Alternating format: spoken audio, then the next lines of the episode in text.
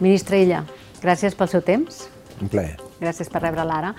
Primer de tot, m'agradaria parlar de l'Ernest Lluc. Fa 20 anys de la seva mort. Vostè recorda aquell 21 de novembre? Sí, ho recordo bé. I va ser un dia molt trist.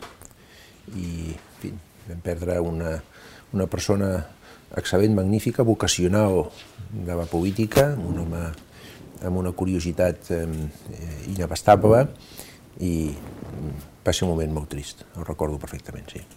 On era, vostè ho recorda? Jo estava a casa meva i en aquell moment vivia a Barcelona i estava a casa meva i, en fi, vaig veure la notícia, vaig quedar impactat i vaig, vaig parlar amb alguns companys del partit i, bueno, va ser un moment molt dur.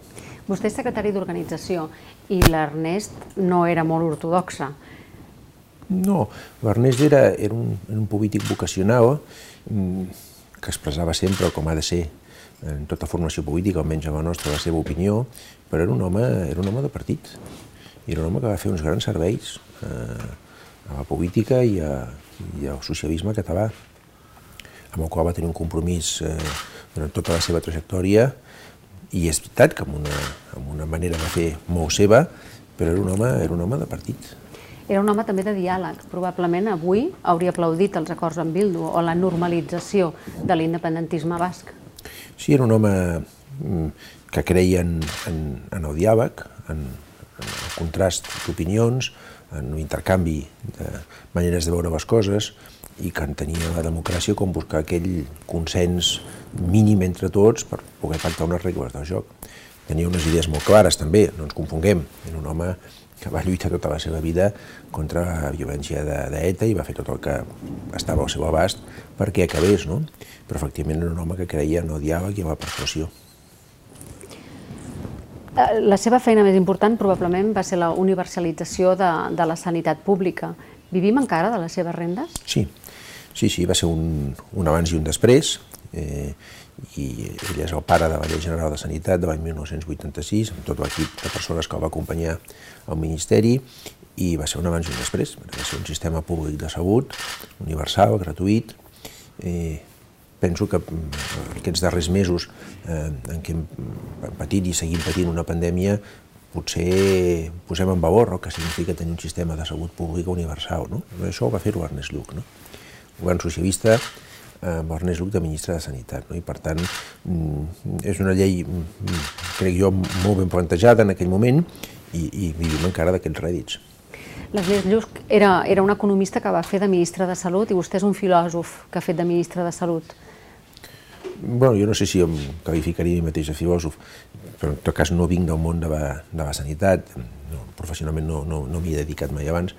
Bé, jo penso que per ocupar-se d'una matèria eh, no fa falta ser un expert en aquesta matèria, no? i bueno, eh, la prova és eh, que potser el ministre de Sanitat més recordat és Ernest Lluc, que no era justament ni un metge ni venia d'aquest àmbit, sinó que era, com vostè diu, un economista, però sobretot era un polític, no?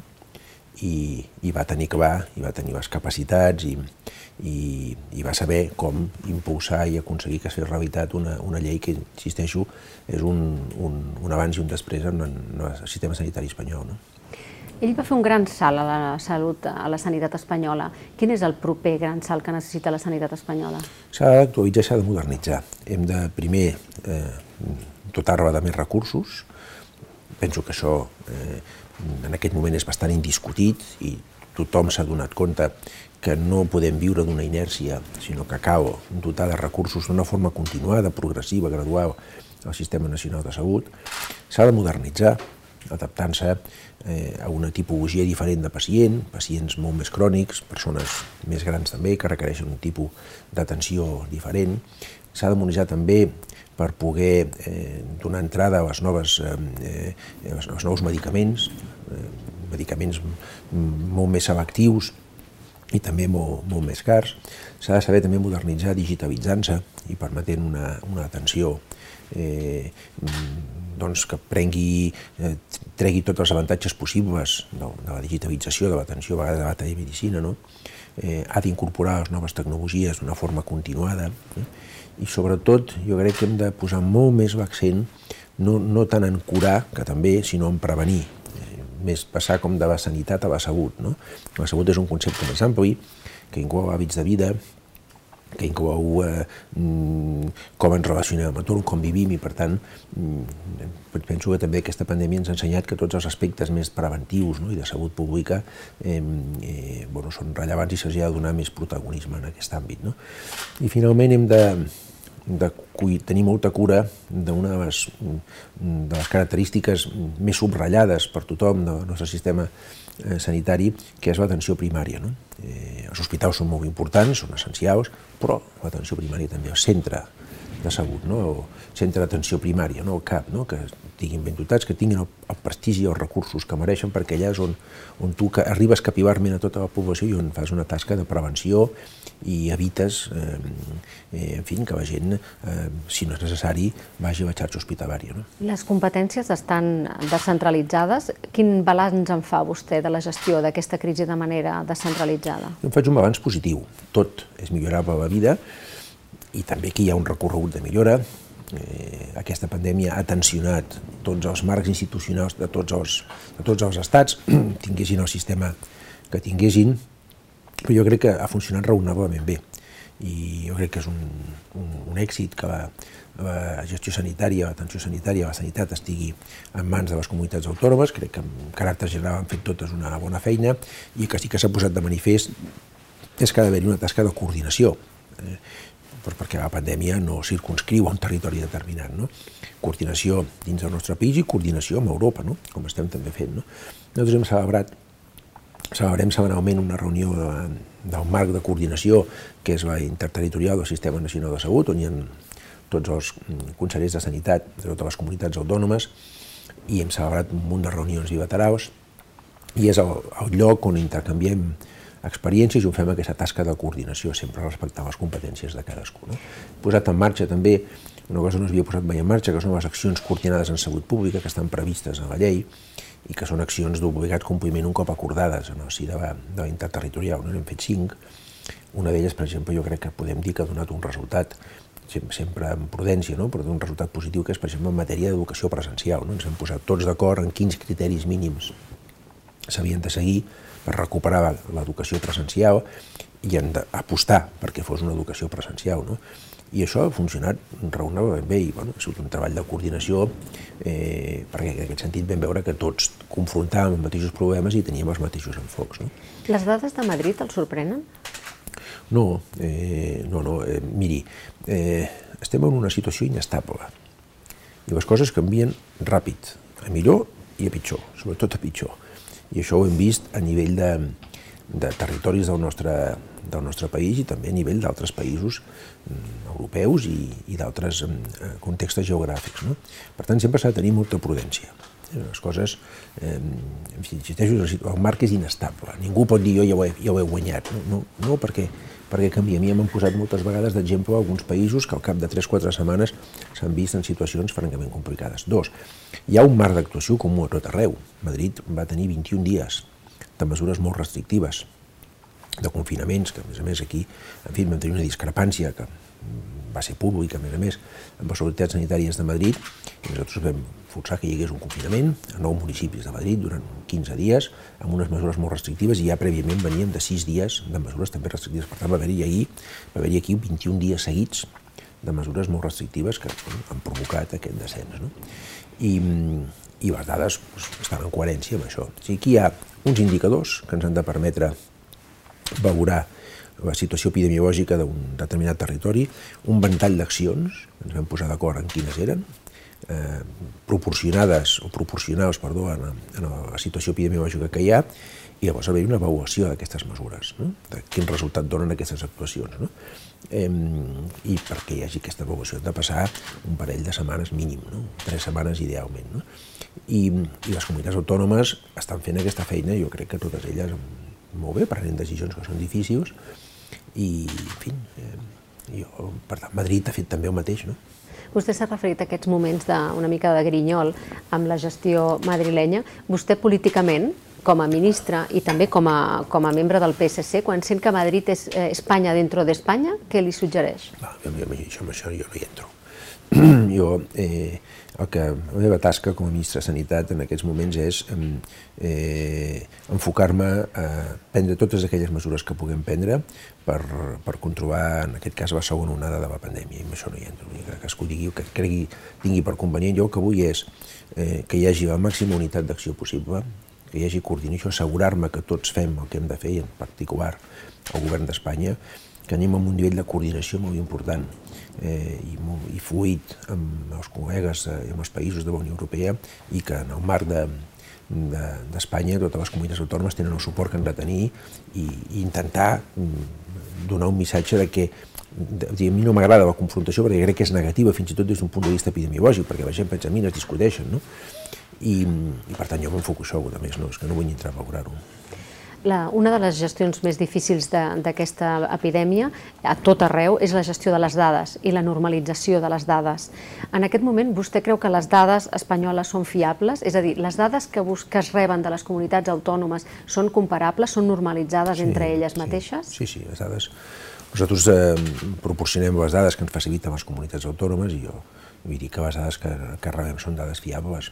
Poden haver-hi puntuals errors, eh, pensi que una recol·lecció de dades de, de, de, del nivell que s'està fent d'una forma tan continuada doncs, té més complexitats del, del que a vegades es vol reconèixer.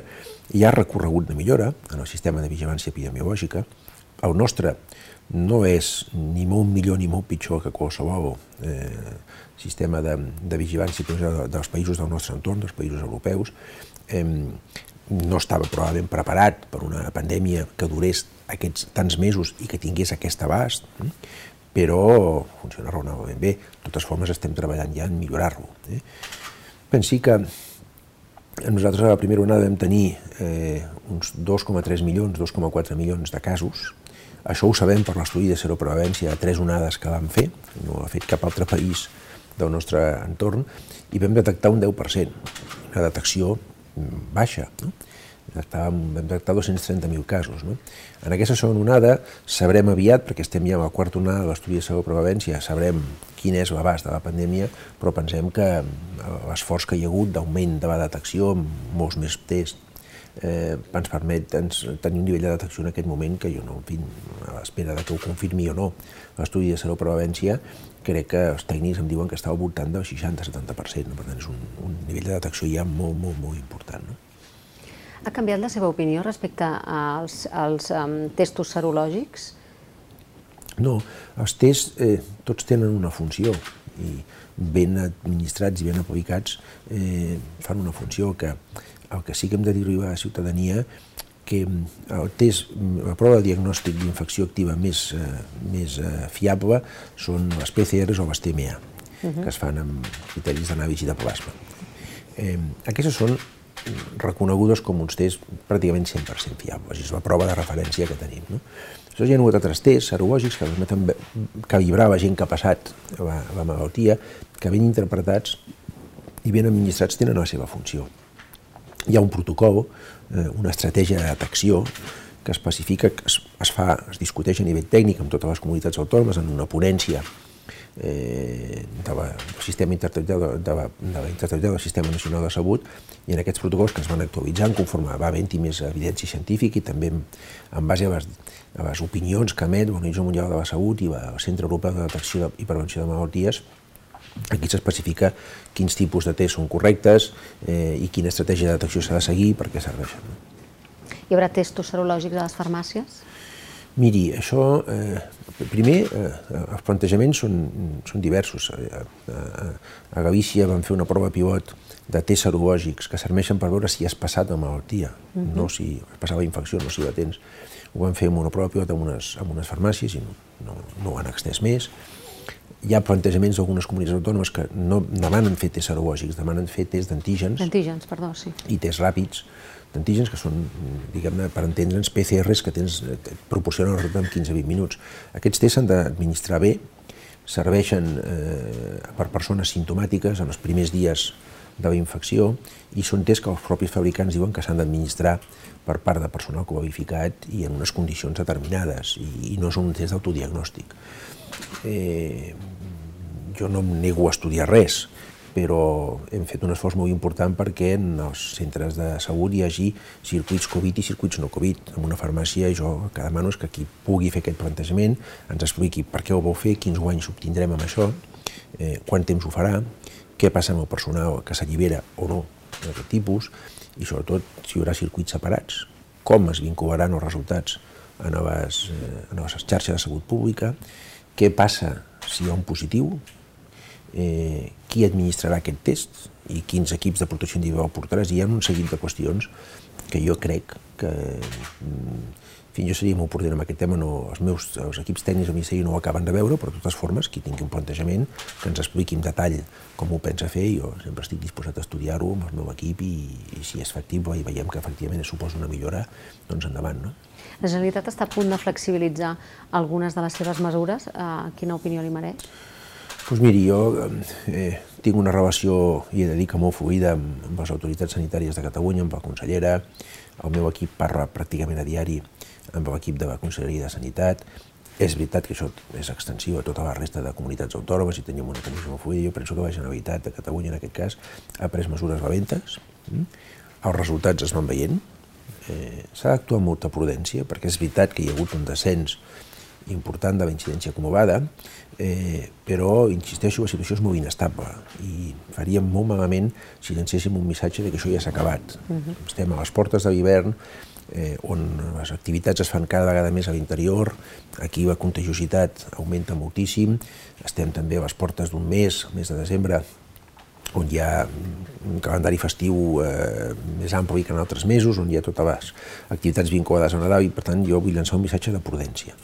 I entenc que la Generalitat, conforme eh, l'evolució de la pandèmia, van adaptant les mesures a aquesta evolució. Jo en aquest sentit mantinc la meva vinya de donar suport a les decisions que prenguin. I de cara a Nadal, el Ministeri o el govern espanyol prendrà alguna, alguna mesura d'homogeneitzar mesures de, de tipus de mobilitat, per exemple?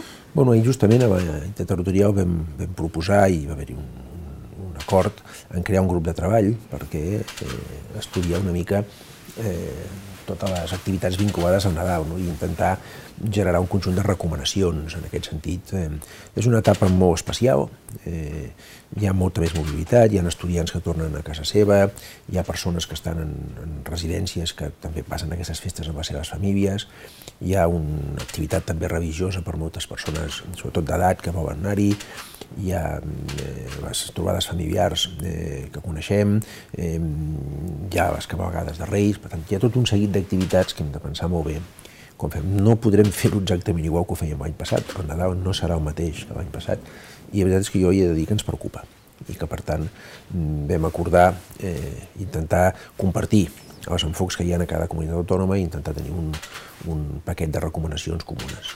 Per exemple, vostè què és el que recomanaria o en què centraria aquestes recomanacions? Pues, quan menys mobilitat i quan menys contactes, millor.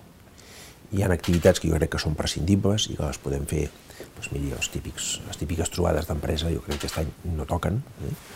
Eh, hi ha activitats que és molt difícil que, no, que puguem evitar. Jo entenc perfectament que una persona que estigui en una residència vulgui passar aquests dies, almenys alguns d'aquests dies amb la seva família, però possiblement aquí hem de mm, fer una estratègia de que aquestes persones doncs, marxin amb una PCR abans de sortir de la residència o tornar se'n faci una altra. El personal que els atén també és hem d'extremar les precaucions. No? Els estudiants que tornin a casa seva probablement també els hem de demanar que es facin una PCR i que vagin amb molt de compte a l'anada i a la tornada.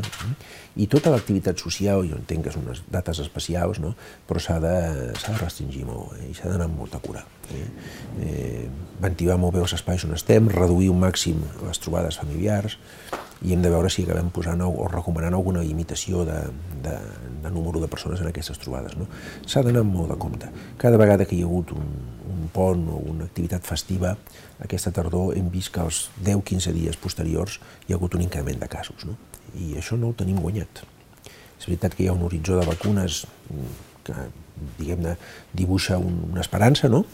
I jo penso que a partir de gener podrem començar a tenir si tot va bé, dosis ja per començar a vacunar la població, però això encara ens portarà un període i eh, mentalment jo crec que ens hem de mentalitzar que fins maig, no? fins abril-maig hem d'estar en, en vanguardia alta.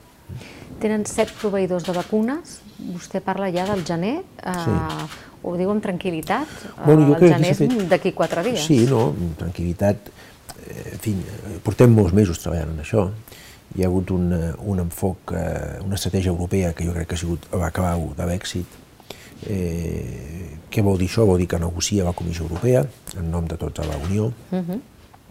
Hi ha un equip negociador de set països, entre ells el nostre, Espanya, presència de professionals nostres que estan fent una tasca molt, molt rellevant, segons m'informen a mi els, els meus socis europeus, i efectivament, com vostè diu, s'ha decidit comprar un grup de vacunes, un portfoli de set vacunes. No? Tenim contractes firmats ja amb cinc d'aquestes companyies, no? i queden quatre, estem a punt de firmar-se un cinquè i en queden dos més que estan també molt avançats. No? Són vacunes de diferents tecnologies i ja hi ha un procés, eh, en algunes d'elles ja, ja s'ha iniciat el procés de revisió d'aquestes vacunes per part de l'Agència Europea de Medicaments, no? concretament amb tres d'elles ja hi ha un procés, es, es diu en, tècnicament un procés en diuen de Robin Review, és, és un procés de, de revisió continuada, eh, fins ara, quan hi ha una autorització d'una vacuna, quan acaba tot eh, el dossier per, per ser autoritzat, que comporta bàsicament els assajos clínics, però també com fabricaràs la vacuna i on la fabricaràs i les garanties de que hi haurà una cavitat de fabricació doncs, eh, que compleix amb els requisits europeus, quan, quan s'acaba es presentava. I llavors, eh, doncs mira, falta aquest, falta aquest dossier, això estem, ara es fa un procés continuat. Conforme vas tenint evidències, es vas presentant, i els tècnics de l'Agència Europea ho van, ho van revisant i et van dient això està bé, això no està bé, ens falta més evidència en aquest sentit, cal completar això. No? Ja n'hi ha tres que estan en aquest procés i hem conegut dades intermitges d'anàlisis de fase 3, que és l'últim assaig clínic que es fa amb les vacunes, bueno, doncs que han sigut millors del que els experts esperaven. No? Em refereixo a la vacuna de Pfizer-BioNTech i a la vacuna de Moderna. No? I sabem on es produiran i vostès saben com les administraran? Perquè... Sí, es produiran Europa, quan hem negociat, s'ha tingut cura de que mm, hi hagués producció al continent europeu d'aquestes vacunes. Dues d'elles una d'elles es produirà a Espanya, amb unes instal·lacions de, del grup Zendal a Gavícia, que és la vacuna de, de l'empresa Novavax. Mm, la vacuna de Moderna eh, serà a la fase final de producció, a fase d'un empavanament, de, es diu fill aquesta vacuna es farà també a Espanya. Probablement hi haurà alguna altra vacuna que també eh, tindrà la seva fase final al nostre país, però això encara no, no està tancat del tot i s'està negociant. I nosaltres ja portem mesos eh, treballant, concretament des del 22 de setembre, en la ponència de vacunes de la interterritorial, on hi ha comunitats autònomes, el Ministeri, l'Agència de Medicaments, eh, hi ha també societats científiques, hi ha experts en bioètica, hi ha experts matemàtics en modelització, hi ha experts en comunicació, hi ha sociòlegs, doncs estan treballant en un, en un pla de vacunació Covid, es crearà un registre específic per aquesta vacuna, i això està bastant avançat ja. I... Un registre específic de persones bueno, susceptibles sí, sí. a ser vacunades? No, no, no, no, quan, no, no, quan una persona es vacuni hi haurà un registre amb les dades per poder ah, fer un seguiment de com evoluciona aquesta persona. És habitual en, en vacunes, es crearà aquest registre, uh -huh. eh, també és un acord, diguem-ne, a nivell europeu. Tot això s'ha estat treballant. El nostre país té experiència en vacunar. Cada any per la campanya de la grip es vacunen uns 10 milions de ciutadans a Espanya, hi ha 13.000 punts de vacunació. Eh, aquesta vacunació de 10 milions de persones es fa en un període de dos mesos de forma ordinària. Per tant, aquest any això ha augmentat, s'han vacunat unes 14 milions de persones, números rodons, en unes 8 setmanes. Per tant, hi ha una, una xarxa de professionals, un sistema sanitari molt capilar amb atenció primària que sap vacunar i que està acostumat a fer-ho, professionals entrenats, qui s'estan preparant totes les guies de com administrar aquesta vacuna i en aquest sentit crec que estem preparats per fer-ho adequadament. No? També és veritat que hi ha un percentatge de la població que sempre té temor a les vacunes. Què li diria vostè als ciutadans eh, que en aquest moment encara dubten o, o, o no saben si realment anirien a vacunar-se? Les vacunes salven vides. Això és evidència històrica. Hi ha hagut malalties que s'han erradicat gràcies a processos de vacunació. No? I és veritat que algú, doncs escolti'm, s'ha anat molt ràpid, és que hi ha hagut un, un esforç sense precedents. No? un esforç combinat de la ciència, els millors equips científics del món, no d'un país, no del món, treballant per trobar una, una vacuna i de, de, de tota la indústria, eh, també de les, les millors eh, empreses, els millors eh, representants de la indústria per fabricar-la a temps. No? I, i, i això era necessari perquè aquesta pandèmia, a part de generar un patiment important, un estrès al sistema sanitari i causar un número molt important de persones que ens han deixat, ha paralitzat les economies. No? I per tant, hi ha hagut un esforç sense precedents i jo, en fi, eh, el que puc dir és que la normativa i el marc regulatori europeu és molt exigent en aquest sentit, és molt homologable al nord-americà, i que quan administrem una vacuna hi haurà garanties de seguretat i d'eficàcia, de les dues coses, és a dir, que no genera contraindicacions i de que és una vacuna que efectivament immunitza i és eficaç. Senyor Illa, quan vostè va arribar al govern, en principi vostè havia de ser el, un dels eh, representants, sinó el propietari de la carpeta catalana. Um, passats els mesos, evidentment vostè ha tingut un gran protagonisme per la situació eh, sanitària que ha posat el país potes en l'aire, però continua havent-hi un problema polític que en algun moment eh, s'haurà d'atacar o s'haurà de, de solucionar. Quina és la proposta del seu govern per solucionar els problemes d'encaix de, de Catalunya o l'increment de l'independentisme, digui-li com, com vulgui? No, doncs un retrobament, no? Una agenda per retrobament de Catalunya en si mateixa, i de Catalunya amb la resta d'Espanya. No? Eh, jo crec que mm, tothom té dret, només faltaria, a defensar les seves idees, els seus plantejaments polítics, allò que creu que és millor, en aquest cas per, per Catalunya. No? Hem de constatar que hi ha diferències importants a la societat i que tots els plantejaments són igualment respectables. Jo crec que hi ha una vinya vermella que ens convé respectar tots, que és el de, el de respectar el marc de decisió que ens hem donat, que es pot canviar, però que mentre estigui vigent s'ha de respectar i, per tant, tots aquests plantejaments mm, unilateralistes, d'escolti'm, jo vull això i ho faig, això jo crec que hem vist que no ha donat mm, cap bon resultat, ni per Catalunya, ni, per, ni tan sols per les persones que ho han proposat, i el que han de fer és un exercici de retrobament, de vistar aquelles prioritats, aquells problemes que tenim, asseure'ns i discutir-los un a un, eh, utilitzant el mecanisme, hem començat l'entrevista així, no? que tan, eh, tan preuat era per Ernest Luque era el del diàleg, no? i això estem nosaltres. No? Eh, ara, insisteixo, respectant-nos tots i respectant que hi ha opinions diverses i que Catalunya, com deia el president Tarradellas, és, és prou, gran, prou gran com perquè hi capiguem tots i massa petita com perquè sobri ningú. No? I, I el resultat ha estat bo per Espanya? Diu, el resultat no ha estat bo per Catalunya ni per les persones que ho han portat endavant. Estat, I per Espanya no, no, ha estat, bo? El resultat ha estat dolent per tothom. Eh, escolti'm, eh, no és bo. Avui un dia sembla que hi ha algunes persones que defensen plantejaments polítics de polarització, de dividir. Jo crec que es, eh, els sistemes democràtics estan justament pensats per buscar consensos, no divisions, per fomentar consensos, no per fomentar eh, polaritzacions ni disputes a la societat. No? Això no ha estat bo per ningú, ni per Catalunya, ni per Espanya, ni, ni, ni per ningú. I, per tant, jo crec que convé el més aviat possible fer un gir en aquest sentit. No? Jo em sento molt orgullós en aquest sentit dels plantejaments que es fan des del govern d'Espanya. Són uns plantejaments, insisteixo, d'afavorir que hi hagi taules de diàleg, d'abordar els temes. Jo crec que també els ciutadans en aquest moment ens demanen que ens centrem en dues grans prioritats, no? sense oblidar els plantejaments de fons que hi ha, que jo insisteixo, aquí tothom té dret a plantejar-los sempre i quan es faci amb respecte, no?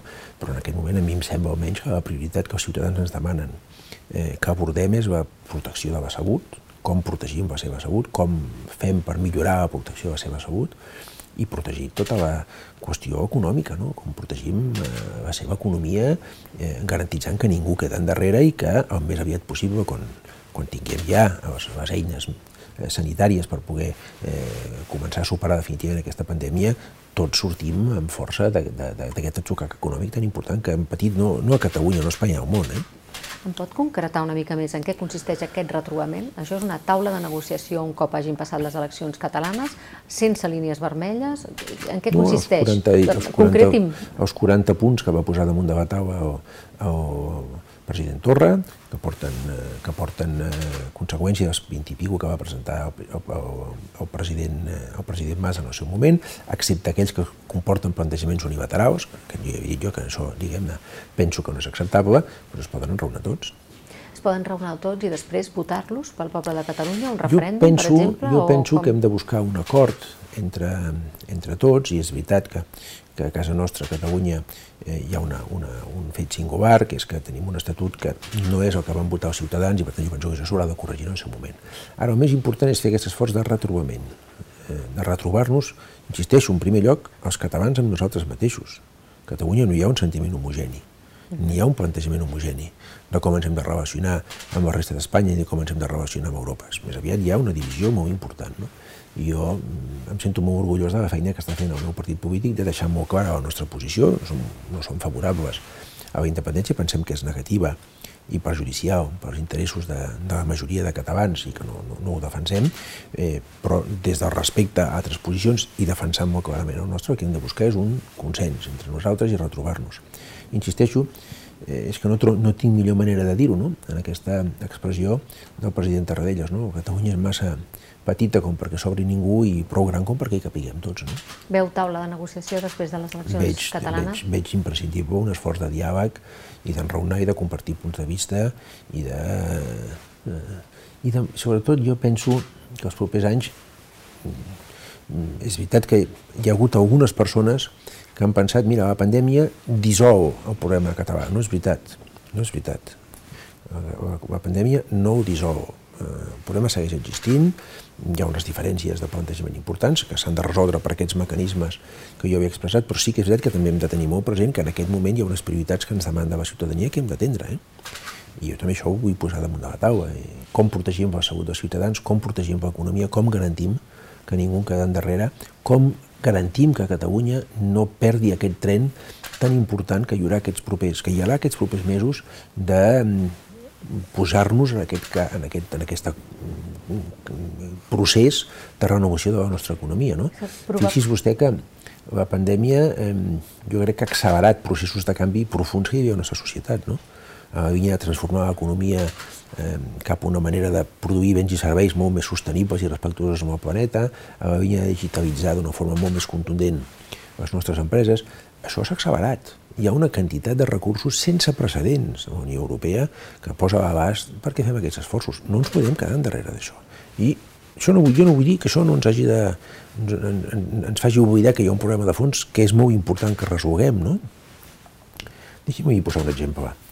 Eh, aquests dies jo he constatat en primera persona eh, la importància mm, essencial de l'Agència Europea del Medicament en aquest moment, l'arma, diguem-ne, l'element més rellevant al món és una vacuna. I a Europa aquesta vacuna portarà el segell de l'Agència Europea del Medicament. Mm, jo he pensat moltes vegades que bé que hagués anat, que hagués estat a Barcelona. Que bé que hagués anat, que l'Agència Europea del Medicament hagués estat a Barcelona. No? Hagués anat bé per la indústria farmacèutica espanyola mm, i sobretot per la, per la catalana, hagués anat bé per Catalunya, hagués anat bé per Espanya. Que bé que hagués anat per Barcelona. I això ho vam perdre. Això no ens ho podem tornar a permetre. O sigui, aquesta agència, si ho haguéssim fet d'una forma diferent, avui seria Barcelona. I això, insisteixo, hauria sigut, eh, en fi, haguéssim sigut al centre de decisió, de l'element més rellevant que hi ha. No? I a mi el que em preocupa és que eh, no perdem aquestes oportunitats que es tornaran a donar i que estiguem preparats per, en fi, aprofitar-les, no? perquè Catalunya i Espanya tenim moltes potencialitats, no? moltes eh, estem ben comunicats, ja està ben, molt més del que ens volem reconèixer. Mm, hi ha un teixit industrial potent que ha fet des de la gran recessió del 2008 un exercici de, de, de reorientació a l'exportació molt rellevant. Jo aquests dies, també aquestes setmanes, he tingut ocasió de tenir un coneixement més aprofundit de la indústria farmacèutica catalana i espanyola, i és impressionant, és que és impressionant, és que és impressionant. No? Aleshores, tot això no podem perdre aquestes oportunitats. No? Ministre, una part del, de l'independentisme, estic pensant que li diria que mm, la gestió està directament vinculada amb, amb l'auge de l'independentisme per una sensació, probablement, d'impotència, d'incapacitat de la gestió i d'infrafinançament d'aquesta gestió. Miri, eh, jo voldria que miréssim endavant i no endarrere. I el que ha passat ha passat. I a mi em sembla que no ha sigut positiu per ningú eh, per descomptat per Catalunya no, jo crec que el d'abans no és bo, no? però jo crec que hem de mirar endavant. I, escolti'm, si hi ha problemes de finançament, enraonem-vos. Si hi ha problemes de gestió, enraonem-vos. Si s'ha de millorar eh, les eines que tenim l'autogovern, enraonem-ho i fem-ho. No? Jo penso que la línia vermella és el que he dit abans, respectar-nos i no entrar en plantejaments unilaterals que, que són divisius. No? I una societat ha de tenir un mínim de cohesió un mínim de cohesió, un, una acceptació de les regles del joc. No? I jo, per tant, el que vull llançar és un missatge de mirar endavant. No? S'ha de repensar l'arquitectura territorial d'Espanya després del, del, de la transició? S'ha de millorar. Eh, I si hi ha plantejaments per repensar, jo crec que s'ha de millorar. Això sí que hi ha recorregut de millora sempre en quasi, en quasi tot. No? Jo em sento bastant satisfet, ja havia dit abans, de com eh, en un marc eh, molt complex, en una pandèmia sense precedents, en, en 100 anys almenys, el nostre marc institucional ha funcionat raonablement bé. Eh, tots els països s'han vist tensionades les seves estructures i aquí ha funcionat raonablement bé. Jo crec que també, en fi, eh, cadascú tindrà la seva opinió, no? però el respecte institucional amb el que hem actuat des del govern d'Espanya eh, principis de cogovernança i respectar les competències de les comunitats autònomes demostra una acceptació i una, una, una, manifesta una convicció en què és un model d'estat compost que ha funcionat, insisteixo, raonablement. En tot cas, segur que no ha funcionat pitjor que d'altres models. No? Vostè ha parlat de retrobament. Seria més fàcil el retrobament amb els líders polítics independentistes al carrer? Miri, eh, aquí s'han de seguir els processos que s'han de seguir. Eh, el nostre és un estat amb separació eh, de poders. Jo crec que els esdeveniments que van passar van ser uns esdeveniments, eh, uns fets que no, no, no han portat res de bo per ningú i eh, en fi, hem d'actuar amb màxim respecte a l'estat de dret. En tot cas, hi ha 3.000 persones, d'una manera o una altra, a Catalunya que tenen eh, causes pendents eh, relacionades amb el procés. A Catalunya hi ha un sector de l'independentisme que demana una amnistia. Ho veu viable, possible, remot? No, jo crec que l'amnistia no, no, no, no té cabuda al nostre, al nostre sistema eh, constitucional i en aquí jo el que hi puc dir és que ha d'haver-hi un respecte escrupolós a l'estat de dret. Uh, tornem a les, uh, al, al govern. A Catalunya hi haurà eleccions. Uh, com veu la, la posició del PSC? Les enquestes diuen que podria ser segona força. Jo espero que sigui primera força el PSC. Jo crec que, que eh, en fi, eh, Miquel Iceta encapçalarà les nostres candidatures. Eh, penso que el PSC ha tingut una postura molt coherent en tots aquests darrers anys, molt difícil en alguns moments, i penso que una mica, si m'ho permet, dit sigui en tota la modèstia del món, els fets ens han anat donant la raó. No té futur una societat catalana dividida, no té futur una societat catalana enfrontada, té futur un exercici de retrobament de la societat catalana, té futur una, una, una societat catalana ambiciosa que vulgui tornar a demostrar el mateix a si mateixa al conjunt d'Espanya i d'Europa. No? I el PSD anirà amb aquest plantejament a les eleccions. Jo penso que és un plantejament que quan tinguem ocasió d'explicar-ho, ara és molt difícil que la gent eh, enmig d'una segona onada de pandèmia en fi, estigui centrada en avaluar les diferents propostes que hi haurà de cara al 14 de febrer, però quan tinguem ocasió jo penso que el nostre plantejament és un plantejament, sincerament, dic, guanyador. Permeti'm una última pregunta. Um, ja sé que vostè em dirà que el que vol és que s'aprovin els pressupostos, però amb qui creu o amb qui és preferible aprovar els pressupostos? Amb, quin, amb, quin, uh, amb quins grups polítics? Bueno, jo crec que hi ha hagut un plantejament aquí molt, molt clar i molt explícit per part del, del president del govern. Eh, hi ha una majoria que va fer possible la investidura de Pedro Sánchez i la voluntat és mantenir aquesta majoria de investidura. Naturalment, si es pot eixamplar, molt millor. Penso que és, hauran d'explicar molt bé aquelles formacions polítiques que no donin suport als pressupostos hauran d'explicar molt bé per què no ho fan. Són uns pressupostos expansius, sense precedents, molt excepcionals, és veritat, com excepcional és el moment en què es produeixen, i jo, en fi, deixo pensar que els ciutadans eh, no entendran que formacions polítiques que pensem molt diferent en moltes qüestions en aquest cas no es dongui suport a uns pressupostos que són absolutament imprescindibles. Portem tres anys de pressupostos prorrogats. Eh, es dona entrada a una quantitat molt important de recursos europeus, no? I, i per tant, la majoria de la investidura és el, el plantejament bàsic, eixamplable, eh, quan, de la forma més àmplia possible. No? Moltes gràcies pel seu temps, senyor Illa. Moltíssimes gràcies, ha estat un plaer. Igualment.